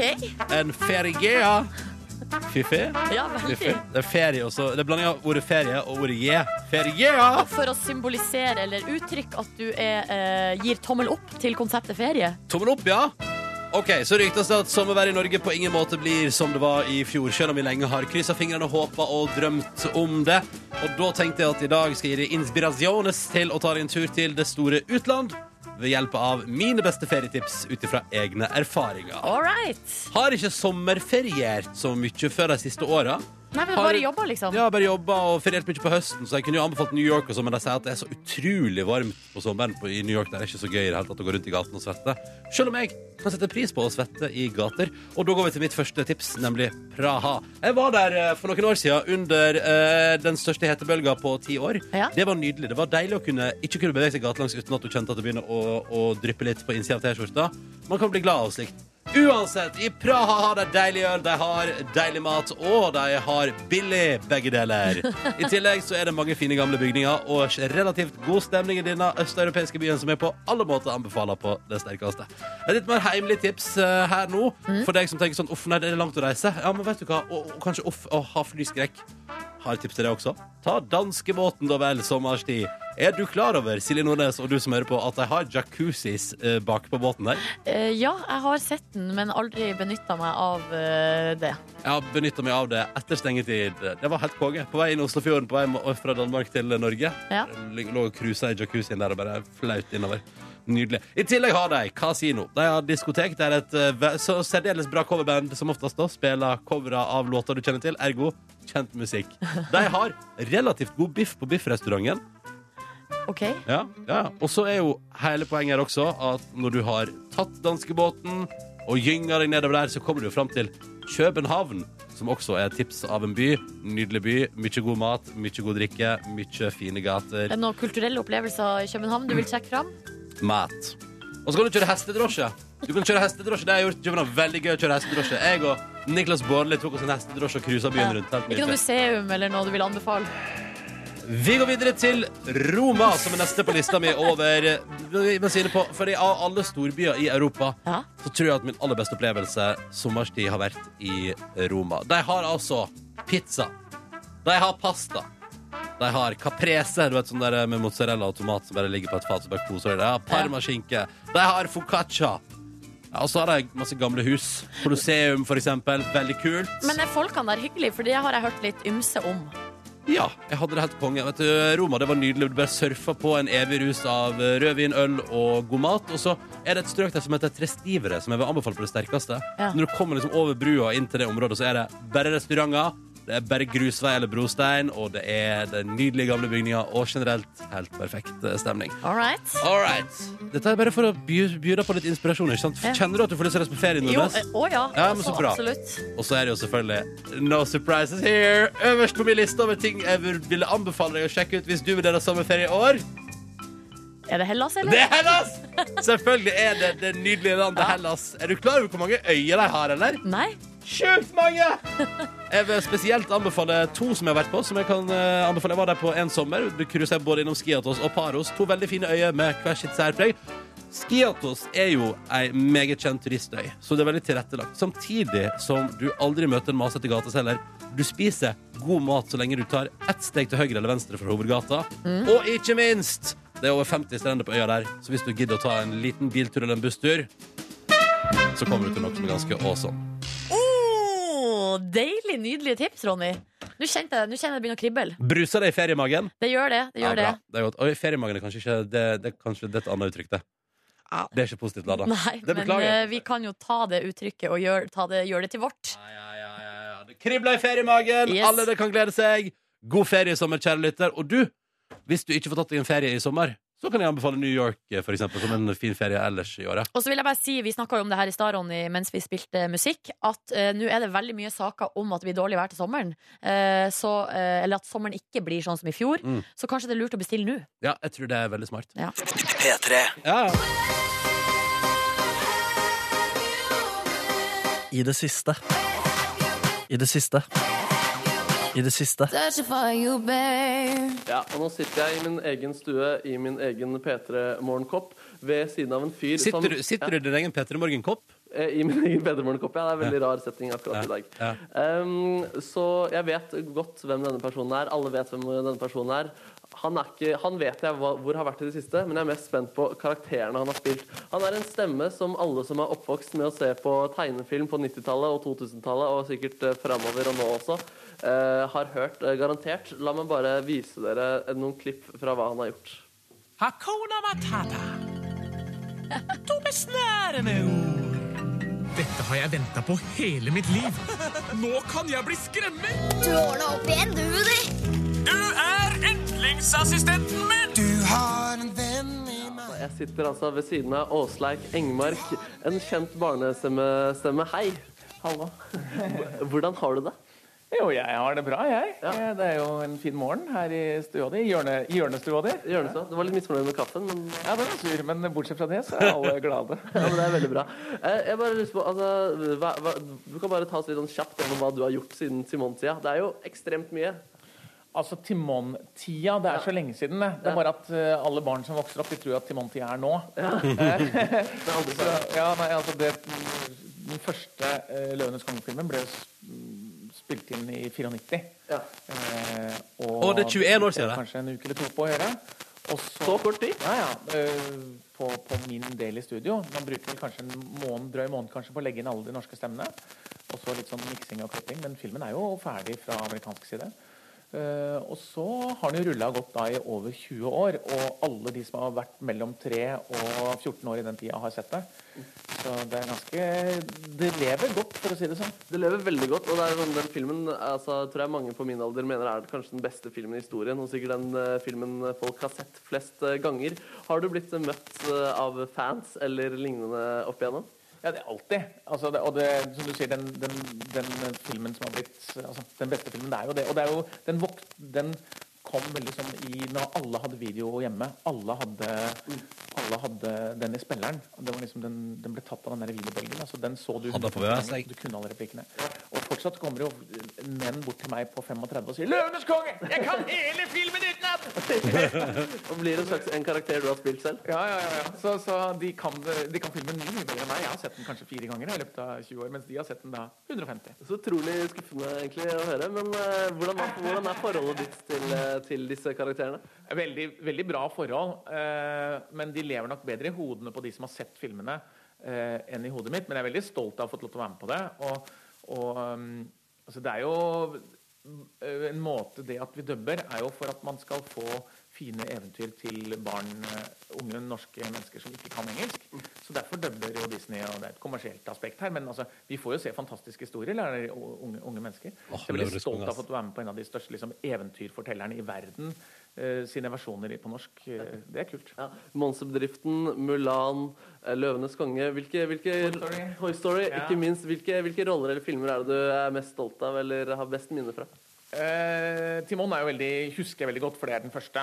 Eh, Timon leder den. Eh, Timon leder an på sitt vis. Eh, og så er det jo da Jeg har gjort tre Toy Story-filmer, og de har veldig høy kvalitet alle sammen. Og det var den første store Pixar-filmen som virkelig tok av. Ja. Så å gjøre Woody der, det er veldig stort. Og, Men at jeg liksom bestemte til Tom Hanks, er jo bare helt latterlig. Men, eh, men det var nå meg de valgte. Har du flere likheter med Tom Hanks? Eh, ingen. Eh, men, men sånn som eksempel da Mulan, som er en liten, en liten film som er litt glemt. Hvor jeg gjorde da Mushu, den lille dragen, mm. som, som da um, eh, Eh, En hjelper. En hjelper, ja. Den var det jo, Disney var superfornøyd. Og jeg var også veldig fornøyd med den. Eh, så det var som Eddie Murphy gjør på originalen. Og for meg var det liksom kjempelett. Og det ble dritmorsomt. Så den er jeg også veldig stolt av. Ja, er. Du er en eh, inkarnasjon av Tom Hanks og Eddie Murphy. eh, Vil du si deg enig i det? Eh, det- det- Jeg tror nærmere Billy Crystal, faktisk, i, i Monsterbedriften, som gjør Monsterbedriften. Å, ja, nemlig nærmere han, ja. Ok. Jeg, vet, jeg vet at du har barn på omkring min alder. Hva, hvordan forhold har de hatt til eh, deg og disse stemmene og filmene? Nei, de, de visste jo ikke bedre enn at jeg var på film, så de tenkte ikke noe over det før vennene deres begynte å si at er det stemmen til faren din på film? Og så var det sånn, ja, so? Og så gikk det en stund, så skjønte jeg, å ja, du er på disse filmene. Å ja, det er ikke vanlig det at fedre er på filmene. Så de hadde sett filmene? De har en barndom, de også? Ja, ja, de tenkte jo ikke noe på det i det hele tatt, før de sånn fem, seks, sju år gamle begynte å skjønne at det ikke var alle fedre som var på stemmer på film. Å, Fy søren, det er sinnssykt, eh, sinnssykt gøy. Eh, straks så skal vi bli litt sånn bedre Vi skal mimre litt mer om Simon. Timon. Du skal dra noen linjer eh, som han. Og vi skal også synge Hakuna Matata. Jeg stepper ydmykt inn som eh, Pumba. Jeg gleder Vi meg. se om det går. Vi må se om det går. Ja, eh, Aslak ville ikke spille gjennom sangen, så jeg er litt sånn spent på hvordan det, det går. Men jeg tror det skal bli veldig fint. Åh. All right, vi er midt inne i Where Have You Been i det siste. I dag Åsleik Engmark, som jo har vært eh, norsk stemme på veldig mange veldig kjente filmer. Markus Neby. Legendariske filmer som har vært med å definere folks eh, barndommer eh, rundt omkring her. Og nå står han ved siden av meg og er klar til å gjøre litt uh, Timon-linjer. Ja, du, du, jeg tror jeg er klar. Jeg, jeg har jo ikke sunget dette på 20 år. Nei, nemlig. Men, men får vi høre noe sånn en, Kunne du dratt en strofe eller to fra, fra filmen, filmen også? Ehm, øh, øh, hva Er skal det det noe han husker godt? Ja, Noe du husker godt? Jeg husker jo ingenting! Nei, nei, nei. Ah, tidenes oppussingsobjekt! Nei, det var faen ja, Men det er godt. Jeg blander filmer, og plutselig sier jeg 'jeg har en slange i støvelen', og så, kom det, og så er det feil film. Og så, er det feil. og så blir det fra standup-showet. Ja, ja, veldig kult. Denne kan vi synge. Dette blir bra. Dette blir bra. Hakuna Matata. Eh, da gir jeg deg mikrofonen, så skal jeg spille litt piano her. Ja. Og da går du inn i Timon, og så skal jeg gå inn i en slags vikarrolle for Pumba. Ja. Jeg kan ikke leve opp til eh, Yngvar Numme der, men eh, Det blir bra. Det skal Det bli musikk av det her. Første og beste gang vi gjør det. Ja. Så da er det du som åpner Ja. balla. Hakuna Matata. To besnærende ord. Hakuna Matata. Det er bra. En skjønn metafor. Du glemmer sorger som du møter på jord. Er en problemfri filosofi. Hakuna Matata. Så kommer det et mellomspill, og så er det noe annet. For, sier du. Da, for da han var et ungdomssvin, da jeg var et ungdomssvin. Veldig pent. Takk! Hans egen aroma fikk en sel som appell, og han ryddet savannen, for det led imot kveld. Jeg er følsom og sart, og min hud er tyk. Og det sved når de bak fikk nervøse ryk. Og for en skam! Hans hud ble gram, sosialt var jeg lam. Hans duft var så stram, og det gikk helt skeis. Når gikk det skeis? Hver gang jeg Hei, bomba! Ikke så ungene hører det. Å, sorry. Hakuna Matata. To besværende ord. Hakuna Matata. En skjønn metafor. Du glemmer sorger som du møter på jord. Det er en problemfri filosofi. Hakuna Matata. Å, fy søren. Ja, det var nydelig. Det var nydelig. Vakkert, vakkert. Ja, da håper jeg noen fikk nostalgibombe der inne. Og tusen takk til deg, Åslaug. Og håper barna mine hører deg i en barnefilm i framtiden. Ja, det håper at du får barn. Ja, Takk til Markus og Sleik Engmark. Der kan du se på fjernsyn i kveld også hvis du vil. 1955 på NRK3 og når du vil på TV nrk.no i Petter Morgen på TV. Et halvt minutt over ni, Det betyr jo at vi Silje Nordnes, skal pakke sammen sakene våre, forlate radioen og si farvel. Det skal vi, men eh, vi er jo tilbake i morgen, da. Mm, og så har vi en TV-utgave på NRK3 1955. Boom, chi. Hei, Jørn! Hei, god morgen. Hvordan sa du det i dag? Du, jeg har det ganske så bra. Mm. Opplevd noe fint siste døgnet? Uh, ja, det har jeg. Blant annet noe du gjorde på, på sendinga i går. Hva da? Nei, det, jeg, vi snakket om noe, og så sa du noe så jeg oppfatta Oi, du har, fått en, har du fått en kjærlighet på pinne i posten? Nei, det, det var ikke det? nei, det var noe Ronny sa som hørtes veldig sånn ufrivillig grovt ut. Vi kan bare høre på det her. Nei, altså, det slafser jeg meg. Legger bare munnen ned til gulvet og så bare tar jeg imot. Ah. Og så det har gitt meg du veldig det har du hengt deg opp i. det har gitt meg veldig mye glede, så jeg har òg laga en, en bitte, bitte liten sånn Jeg kaller deg i bit, Ronny. OK, Som er jeg er klar. Munnen ned til gulvet, bare tar jeg imot. Munnen ned til gulvet, bare tar jeg imot. Munnen ned til gulvet, bare tar jeg imot. Så slapper jeg meg i legget, bare, bare tar jeg imot. Ja, ja. Det har gitt meg litt glede, da. Så nå, du, du har kosa deg det siste døgnet, Jørn, og det- laga litt musikk. Og, har det. Er godt. er, er det grovt tema i, hos Jørn i dag, eller? er Nei, nei, det er faktisk ikke det. Nei, ok. Hva er det skal handle om hos deg i dag? Du, Vi skal eh, spille låter om de fire elementene, så enten om vann, ild, jord eller luft. Så er det mye å velge i. Ja, det er det definitivt. God sending, mister! Takk for det. Håper du spiller den Munnet til gulvet-låta også. Det kommer sikkert noen ønsker. Velkommen til P3 Morgens podkast Bonusbord. Både til deg som nå har hørt hele radiosendinga vår uten musikk i forkant, eh, og til deg som har lasta ned podkasten fra den eksklusive uh, P3 Morgen bonusbord-podkast-streamen som kun inneholder denne vesle fila som vi sitter og prater inn 09.40 torsdag morgen 4. juni. Markus Neby spiser en avokado og egg. Det stinker av egg her inne. Jeg syns det kan bli litt kvalmende. Okay, OK, beklager. Nei, nei, nei, nei, det var ikke ment kritikk. Jeg bare ville dele mine følelser. Altså, Jeg ville, det jeg ville dele mine følelser. Ok, Mm. ja, Ja. Og det var misnøye du følte. Ja, det stemmer. For det er litt vanskelig å skulle, Når man sitter og spiser, og så ut, uttrykker noen andre at de blir kvalm av Ja. lukta av det du spiser. Ja. Da er det, det er litt vanskelig å ikke ta det til seg, på et vis. Ikke som en Um, ta det til seg, det, på det, et det, vis. det er jo kritikk, på en måte. Ja, det er er jo kritikk det. av uh, lufta i rommet, og den er det du som er ansvarlig for. Ja, ikke sant? Men, men det går bra, Ronny. Jeg, jeg klarer å spise. Nå er jeg ferdig med eggene, så jeg skal straks kaste Jeg kontrer med en bitte litt melkesjokolade. Ja da. Kan du ikke godt kaste egg, Ja, eggrestene du dine ut? plages du også? Nei, men eh, Nei da! Nei.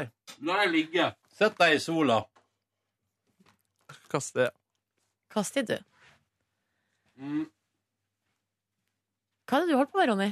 Nå er jeg bare så kjapt på vår sjef Pernille sitt program for fagdagen i dag. Ja, riktig. Det er fagdag i dag på NRK, eller fagdag, fagdag Hey. som jeg liker Hey. å kalle det. Ja da, Den vitsen der har levd siden fagdagen ble oppretta for mange herrens år siden.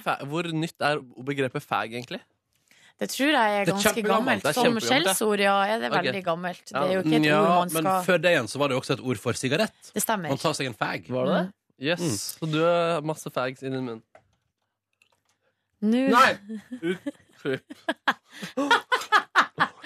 Hva, jeg skjønte det ikke. Ja, okay. ja, vi går videre. Um, så det betyr jo at hele dagen i dag så er det altså seminar og foredrag, og så avsluttes det hele med en fest i kveld. Og slapp av hvis du lurer på om lisenspengene dine får deg et lite sluk. Her betales det såkalt egenandel, men den trekkes av lønna, så da tenker jeg at det er gratis. Samme her. Jeg uttalte jo nettopp under frokosten, eller lunsjen, lunsj nummer én for min del, at uh, vi må gå og spise den lunsjen som blir servert, fordi den er gratis. Mm. Men eh, den, vi har jo betalt for den. Men jeg skjønner ikke Å ja, ja, ja. Det har blitt trukket fra lønna. ja, ikke sant. Så men det er som å kjøpe et kanti- kantinemåltid, og så kan du velge om du vil spise eller ikke. på en måte Ja, Ja. på et vis. Mm. Ja. Sånn at det er jo veldig dumt å st- eh, huke av når man melder seg på sånn Ja, jeg vil ha lunsj. Mm, og så- Og så ikke gå og spise den lunsjen. Men jeg har jo meldt meg på i de tre siste årene har jeg jo sagt at jeg vil ha lunsj, og så har jeg droppa lunsjen. Ja. Når er lunsj? Ja, på et eller annet tidspunkt. Men det syns jeg du kan si i dag. At du har, og så kan du ta tre lunsjer i dag. Å, ja, ja, sånn, ja. du gjør opp for det Ja. tapte på en måte de tre siste årene. Det er vel veldig mange der som tar tre lunsjer hvert år på den uh, gratislunsjen der. Det er veldig stor fare for det. Det er jo det jeg bruker å gjøre, for at det, det dukker jo opp noe ehm, Det dukker jo opp noe sånn sprudlevann, ofte sånn velkomstdrink på festen, da når festen begynner i kveld. Etter eh, fagdagen så er det da fest for alle som har vært med på, på en måte konferansen, da, kan man kalle det. Og da Alle i NRK som vil. Eh, Ja, festen er for alle, ja. Også de, også de som ikke har tid til å være med på de seminarene og sånn.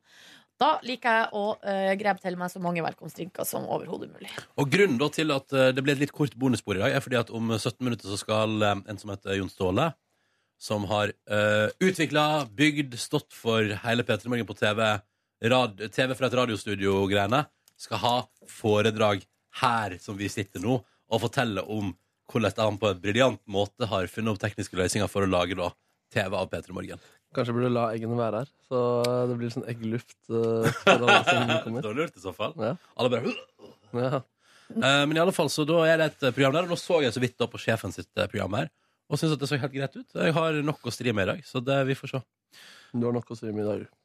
Ja, For det er litt så vanskelig, syns jeg, med sånn Det er veldig bra, og jeg, liker veldig å Eller jeg kjenner det at de gangene vi går og ser foredrag og sånn, så kjenner jeg litt at jeg savner f.eks. det å være student og få masse ny input, liksom, og det å lære masse sånn type på daglig basis. Mm. Um, men så er jo problemet at nå er det en hel dag med masse foredrag og sånn, og det er masse interessant. Men vi har jo en jobb å skjøtte, så det er liksom ikke bare å gå. Og eh, det er jo ikke bare å gå. Det er ikke bare å gå. Nei. Silje Nordnes. Jeg syns det er vanskelig. jeg. Jeg syns du skulle spart den punsjen til helt på tampen. Så du kunne gått ut på det. Ah. Ja, det er jo ikke bare å gå, Mhm. og så bare røyse og gå. Mm. ja, det hadde vært artig. Det hadde, Det vært, hadde artig. vært artig.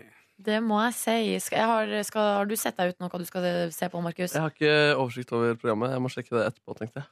Har du ikke tenkt over at det heter fag-dag? Nei! Å, gud hjelpe meg! Kødda du? Ja, vi hadde en lang seanse på den vitsen i stad. det. Ja, du hørte Jeg satt det? der ute og hørte. Å ja. Da skjønner jeg. Eh, hva gjorde du i går da, Kåre? Jeg bare går dit, jeg. Jeg kan dra raskt gjennom. Ja. Eh, Hæ? jeg bare, altså, det er ikke bare å gå, men jeg går dit. Hey. Um, du, i går så um, ga jeg IKEA en ny sjanse. Jo, det skulle de Yes, komme til deg i i går går mellom fem og ti? Nei, jeg fikk endelig svar. Jeg ringte deg flere ganger i løpet av dagen for å høre Kan dere komme i dag, for nå er det en del dager til jeg har mulighet neste gang. Ja. For jeg har planer i noen dager. Og så Du har planer noen dager, du, Kåre. Mm. Og så sa de Helg og fest og Fy søren. Og så sa de at jeg kunne eh, komme mellom eh, klokka seks og åtte, og det var jo et ganske kort intervall. Ja, det er bare to timer. Det var jo ikke Eh, verst. så de kom klokka ni, da. Men samme det. Jeg Er de skulle være helt hjemme. inkompetente, Ja. eller? Jeg blir så irritert. Mm, det er det. Eh, men iallfall så kom de, og det var fint. Eh, Har du fått opp disse lure nei, jeg fikk opp en i går. Men det var sent. så Hva gikk du for da, når du skulle velge deg én? Eh, alle er like. Nei, men altså, for, foran hvilket skap? Altså, Å ja. hvilken front Eh, valgte du? Hvor valgte du front? første, i en ende. I en ende, altså. Hva er det som har fått fronten nå? Slags er det Hva som er oppi skuffen? Ja. Ja, det er sånn vaskemiddel og oppvaskemiddel. og Vaskemidler fikk æra av å bli Mm. fronta først. Yes. Nice. Men det er jo ikke riktig front. Den er jo helt annerledes enn de andre. Så det, det er jo bare for å kunne bruke det. Så det ser jo helt uh, uh, Jeg skal ikke si hjerneskadd, men Nei, det er jo- nei, Nei. skal. Men uh, Det ser, ser det rart ut? Ja, veldig rart ut. Men, ja, var det den situasjonen du fikk når han sa hjerneskadde, Silje? Nei, men jeg prøvde å bare hjelpe han. Det var det jeg så for meg Mm. at det så ut som, da. Det er ikke greit. Men, eh, men når disse IKEA-folka kommer, skal de fikse ting også, eller skal de bare gi Nei, deg ting? De bare leverer skal bare gi deg ting? Ja. Det er helt utrolig, da. Jøsse Mm. navn. Fordi jeg har brukt sånn IKEA-bestilling en gang. Da skal de komme med senga mi, og da skulle de bære den opp trappa. Og da, kom, det var det rotete opplegg da, men jeg ble så imponert av at de klarte å bære opp senga mi, at på en måte alt var greit. Ja. Men de hadde ikke noe å skjøte med nå, da, tydeligvis. Nei, det her var to stabler på kanskje til sammen eh, 25 kilo, så det er ikke så veldig Mhm. Så jeg skal skru sammen eh, i helga, tenkte jeg. Og så um, Nå gleder jeg meg så masse til mandag allerede. Yes. Og så var jeg på um, Elkjøp og kjøpte kjøkkenmaskin. Oi. Hvilken type gikk du for? Jeg gikk for en Kan jeg tippe? Kan jeg tippe? Ja. And, uh, Kenwood? Nei. Nei, KitchenAid. Nordica. Nordica. Nordica, Nei. HBO. HBO Nordica. jeg gikk for Gikk for Hotwire, Ja. samme som den Jeg gikk for Netflix, jeg. uh, nei, jeg gikk for, uh, gikk for sånn- Philips! Nei. Siemens! Bosch. Sharp. Sharp. Bosch. Bosch, Bosch, Bosch, ja. Jeg fant ut at den Er var ikke Bosch litt på vei ut? Jo, sikkert. Men jeg fant ut at det hadde jeg hadde, der hadde vunnet TV 2 Hjelper deg-testen. Fant det på nettet. Oi. Og i den testen så kosta maskina 5900 kroner. Men du fikk den for? 1695. What the hell? Hvorfor det?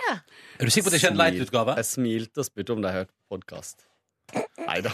Ja, du, du har blitt litt høy på deg sjøl etter at folk har begynt å kjenne igjen fra podkasten. Begynner å gå ut på byen og bare Unnskyld? Kjenner du til Petter i morgen?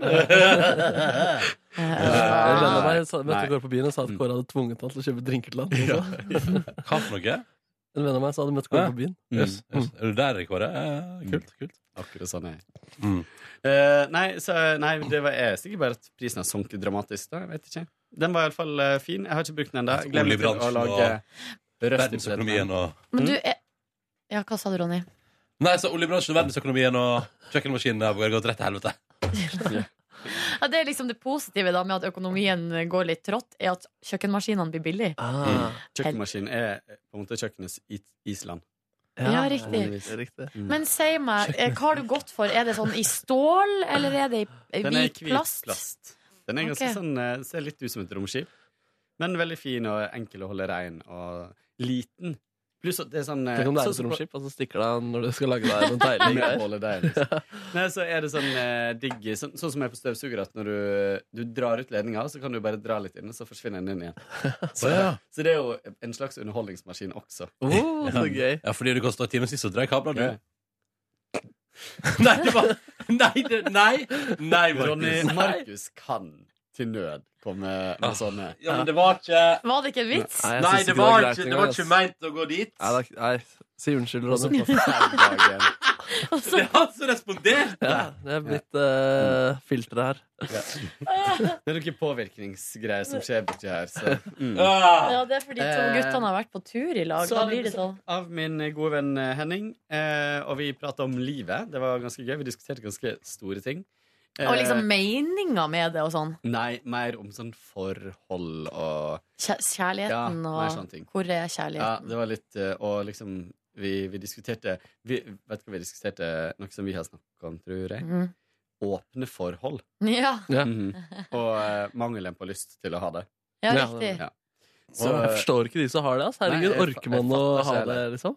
Fatter ikke. Men. Men når man ser liksom på Men, men Kåre Så og, drømmer ut i lufta. Ja. Fordi Jeg applauderte samtale. i den, sånn type samtale. I den serien eh, Looking fra San Francisco, som liksom er sånn ja, Det er litt sånn eh, klisjé-sammenligning, men det er jo liksom holdt på å si Sex and the City bare for, med homofile menn Mm. i San Francisco. Eh, der virker det som at åpne forhold er liksom gjeng. Altså det er på en måte normen, da. Ja. Ja. Mm. Og Og, i Dexter virker det som eh, drap også er normen og gjengs og Will Smith og kona prater jo om på Skavlan hvor bra det fungerte med åpent forhold før det ble skilt eh, et år eller to år senere. Men de er jo ikke skilt. Ble det ikke Det var bare en mediesak i to dager. Det er det som er at det, Hæ? For Det er jeg fortsatt- tror, jeg tror at det er på grunn av deres åpne forhold. Så tror Så folk at det er skilt. oppstår det eh, sånne der skilsmisserykter med Ja. jevne mellomrom. For det, det er en sånn type gjengangersak som kommer sånn en gang i året-aktig. Oi, oi, oi. Om- De har misforstått i media. Da. De tror liksom bare at Will Smith gifta seg med ei dame til. Er liksom et Skilsmisse. skilsmisse... Det heter bigami, det har jeg lært. Mm. Yes. Ja, var det noe mer du gjorde, da? Nei, Kom. og så, og så gikk jeg og la meg. Sånn var dagen min. Oh, ja. Det var hyggelig. Yes. Koselig. Bra dag. dag. Ny kjøkkenmaskin. Sjøl så sykla jeg hjem fra jobb um, og uh, kom inn på sofaen min, lagde meg brødskiv, og så leste jeg litt i ei bok, spiste, og sovna altså så lang jeg var, og lå og uh, duna den i to timer, tror jeg. Og der én time av de to var med alarm gående. Med hvert niende minutt. Pluss at telefonen ringte. Det var SM, altså sånn, jeg var i en sånn døs. Men jeg syns den døsen er så deilig å være i. Ja. Så fikk jeg krampe i fotbladet, så måtte jeg opp og gå litt. Og gikk og la meg. det, var, det var ikke så deilig. Da ble jeg irritert. Og så eh, spiste jeg kyllinglår og ris, som er min favorittmat. Så dro jeg på korøvelse. Og var veldig sliten og trøtt. Og det var egentlig min dag. Den sykkelturen i går morges på tom mage, den eh, satt spor altså utover hele dagen. Jeg var altså så utpeist. Ja. Ja. Ingen- Altså Nei, OK. Jeg ble sliten bare ved tanken. Men eh, altså, spiste du, og så gikk det bra igjen? Eller er du sliten i kroppen i dag etter uh, Jeg er sliten i kroppen i dag. Jeg var sliten i kroppen i hele går. Så det, altså, det stepper inn for vanlig trening, eh, de greiene der, eller? Ja, det vil jeg jo tro. Det er jo en time til sammen, da, med ganske høy intensitet. Ja, Bra opplegg, da. Ja, men jo- jeg er jo ikke vant til det, så det er jo derfor jeg blir så sliten av det. Mm. Så jeg tror jo hvis man gjør det hver eneste dag, så blir man jo i god form. Når kommer du til å sykle til jobb neste gang? Nei, jeg tror kanskje ikke at jeg kommer til å sykle til jobb så mye, fordi at da må jeg stå opp så utrolig tidlig. Ja. Altså, jeg må jo stå opp da kvart på fem. Ja, ja, ja. Og det, mm, de minuttene, det har vi jo Nei, om. det må du ikke hvis det er på første halvtime. Nei, det er sant. Det er sant. Ja. Markus, da? Min dag. Jeg dro hjem, skulle ta en powernap fra fem til seks. Sov til klokken åtte. Sto opp, chattet litt på Facebook eh, med en venn. og Den chatten varte ganske lenge. Og så lagde jeg meg noe kylling og noe ris og noe saus. Hva saus? Um, det var en Toro-saus, i hvert fall. Med, det var, jeg tror det var paprika og hvitløk, den kyllingsausen der. Mm. En deilig dag. Ja, så la jeg meg. Så la jeg meg. Jeg har begynt å våkne om nettene nå. Sånn, Av mareritt? Ikke på en pl- uplag, nei, ikke på en plagsom måte. Så Altså, jeg våkner alltid to timer før jeg skal stå opp, og så én time. Og så ser jeg på klokka, og så Jeg kan sove litt til. Det, det er deilig. Jøss, så falt papptallerkenen hjemme hos deg og, og prata i går? Ja, det er han som sier det til meg, at jeg kan sove litt til. Sjøl så gikk jeg jo jeg hadde en avtale i går som gjorde til at jeg for første gang på tre uker var hjemme i min egen leilighet før sola hadde kommet ordentlig inn på verandaen min. Oi! Det feirer jeg med å sette meg på verandaen min, dra med T-skjorta og lese bok om 22. juli. Sterk opplevelse. Brutale greier. Han ene jeg chatta med, vi, han ga masse referater fra Åsne Seierstad-boka. Vet du hva, Jeg har lest noe 60 sider. Faen så, faen så bra det er. Hva heter sånn når du skriver som om det var en roman, men alt du skriver er basert på fakta? Det er sakpros? Nei. Er det, er det, er det ikke sakprosa? Hva heter det? Kåre? Nei, jeg veit ikke hvilket ord du skal fram til. Det er ikke så viktig. Poenget er for at det er en nydelig måte å formidle dokumentarisk innhold på, syns jeg. Her skriver de, eller i bokanmeldelse skriver de blanding av romansjanger og sakprosa. Ja. Ja. men det er, fall, det er helt uh, nydelig, og det er så Å, fy faen, så fucka mora til Anders Behring Breivik, ass. Hun, Eller var, hva? var, hun var gal, ass. Hun var gal. Og alle tilfeldighetene. Nei, vet du hva, virkelig, altså, etter 60 sider vil jeg anbefale boka på det sterkeste. Så får vi se når jeg er ferdig. Tror jeg skal lese mer. Nei, det skal ikke jeg i dag, for i dag har jeg planer. Uh, men i alle fall, og så satt jeg og las der vet du, i min bare overkropp og drakk kaffe og kosa meg på verandaen min. Mm. Tok unna for vinden i ny og ne. Det var, litt, litt, det var kjølig ett sekund, og så ble det varmt igjen. Og så var kjølig ett sekund, og så ble det varmt igjen. Og fikk, fikk fint. Uh, men så fikk jeg tekstmelding fra min gode venn Ingve som sa hei, vil du være med og spise mat? Og tenkte sånn, det vil jeg. Så gikk jeg på en pizzarestaurant på Grünerløkken og spiste en deilig pizza med brokkoli på. Oi! Og salchicha, chicha, chicha, chicha, kjøtt. Uh, og så eh, tok jeg et par øl. Eh, og vi la med et par andre karer også, så vi ble en liten gjeng som satt på Parkteatret og tok noen øl på uteserveringa der og feira at sommeren endelig var kommet til Oslo. Selv om jeg kjente når jeg kom hjem igjen at fuck, det var kaldt i går. Ja, det var, Det var- ganske så sterk vind. Ja, ja, ja. Jeg møtte Margaret Berger. Ja. Hey. ja. Hun hadde vært på en slags 17. mai-frokostaktig arrangement, så hun var litt uh, tipsy. Men i godt humør og veldig 17. mai-frokostaktig Nei, men altså, Det var liksom i den stilen. da, Litt sånn En brunsj, liksom. ja, ja, ja, så hun var i godt humør på, på Altså, det, det, jeg, prøver ikke å si at, jeg prøver ikke å si på en hyggelig måte at hun var full nå, for det virka ikke. Men hun var i veldig godt humør. Og hun var sånn, å, det er så deilig med sommer, og jeg bare ja, ja, ja, ja, ja jeg er enig. Uh, og så spaserte jeg hjem i god tid. Og så så jeg burgeren min i dokumentaren og syntes den var fin. Ja, det så jeg også. Ja, Den og koselig. jeg likte den veldig godt og syntes den var koselig. Mm, veldig koselig. Og den ble sånn som jeg hadde håpet at den skulle bli. Ja, jeg skal ta den med meg i minneboken og se den når jeg er 50 år. Tenk deg, Når vi er 50 år, skal vi sitte og se på den, den dagen vi reiste på guttetur. Gutteburgertur. Veldig fint. Kan jeg bare nevne en ting? Jeg fikk eh, akkurat en SMS som sier Hei, du har nylig mottatt en hjemlevering fra Bring. Basert på den opplevelsen, hvor sannsynlig er det at du vil anbefale oss til en venn eller kollega? Svar på denne meldingen med et tall fra 0 til 10, hvor tid er svært sannsynlig. Takk for hjelpen. Svarte jeg. Én. og så får jeg oppfølging, da. Så det her blir en du får samtale. personlig oppfølging? Nei, sikkert ikke. Jøss. Ja. Så der fikk du slakta Bring, da. Ja. Godt. Men var det Bring eller er det Ikea som Det var feil? er Bring som leverer for IKEA. Ja, men, Ok. men vet, vet du hva? Jeg trodde det var IKEA, men da har jeg, det- jeg òg ei høne å plukke med Bring. ass. Forrige gang jeg bestilte kaffekapsler, skulle jeg komme på døra mi, og det var liksom sånn, jeg bestilte sånn at den kommer på døra, og det er liksom at det kommer en tirsdag mellom 5 og 22. Altså 17 og 22. Men så eh, Skal man for, vente i fem timer ja, men, nei, men, altså, så, men så skal jeg ringe en time før. Okay. Så uh, hører jeg ingenting på tirsdag. Og så onsdag tenker jeg dette var rart. Og så får jeg hentelapp fra postkontoret mitt med beskjed om at de har prøvd å ringe meg, og de har prøvd å sende meg SMS, men har ikke fått noe svar hos meg, så derfor har de levert på postkontoret. Jeg har prøvd å ringe på døra mi òg, sier de. Jeg var hjemme. Jeg har ikke fått noe SMS, jeg har ikke fått noe anrop, jeg har ikke fått noe som helst. Og så kommer de og, og påstår at, eh, at jeg ikke får mulig å få tak i. Og det, da ble jeg sur. Det der er så svakt, Ja, altså. det er så utrolig latterlig. Bra du gir beskjed, Kåre.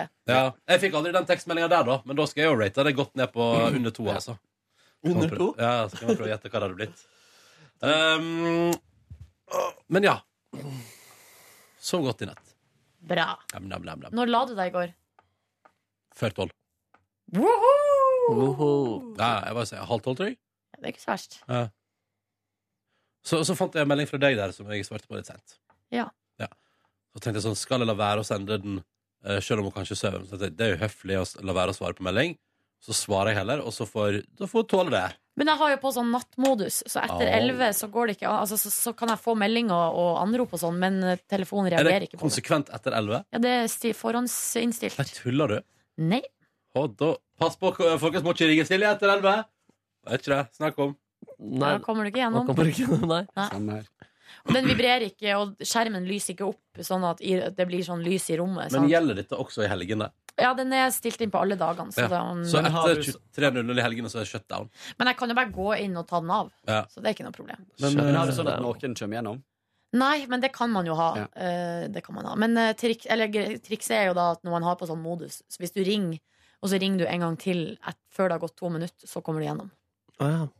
Så stort sett alle som vil ha tak i det, kom gjennom. Ja. Mm. Men det er jo liksom hvis det er noe, da. Men egentlig, man skal jo ikke Har du ringe. gått glipp av noe gøy ved at det går i nattmodus klokka 11? Nei. Står Jon Ståle utenfor nå, eller? Ja, han gjør det. Ja, ja. Nei, jeg har ikke det. egentlig. Det var jo den ene gangen venninna mi ringte, og så fikk hun For greia er at når du ringer til meg, og det nattmodus er på, så får man beskjed om at jeg er opptatt. Ja. Eh, Så hun, da hun ringte meg etter, For jeg hadde ringt henne, og så ringte hun meg tilbake. Og så da fikk hun liksom at, at jeg var i telefonen etter klokka 11. Da tenkte hun sånn Nå er det noe galt her, liksom. Ja. Så da ble hun bekymra, da. Så eh, da våkna jeg jo opp til masse anrop og bekymringstekstmeldinger og sånn da klokka fem om morgenen. Ødela natten hennes. Ja, det var litt dumt, da. OK, dere. Eh, okay, da håper jeg at alle sammen får en skikkelig fin tilstand. Så skal vi alle sammen på fagdag og fest, ja? Ja. ja, ja, ja. Så det skal du få høre alt om i morgendagens podkast. Og hvis du, har, hvis du har spart litt, så kan det hende den ligger som neste i avspillingslista på podkast-appen din. Jeg elsker når jeg hører på podkaster, og så er det sånn Det skal du føre mer om i morgen. Og så bare venter jeg i fem sekunder, og så begynner den du skal føre mer om i morgen. Skjønte dere hva jeg mente? Ja, Skjønte hva jeg mente. nice. OK, takk for nå. Ha det bra! Takk for nå. Ha det bra. Ha det bra. Snakkes i morgen. Snakkes. Hør flere podkaster på nrk.no podkast. P3.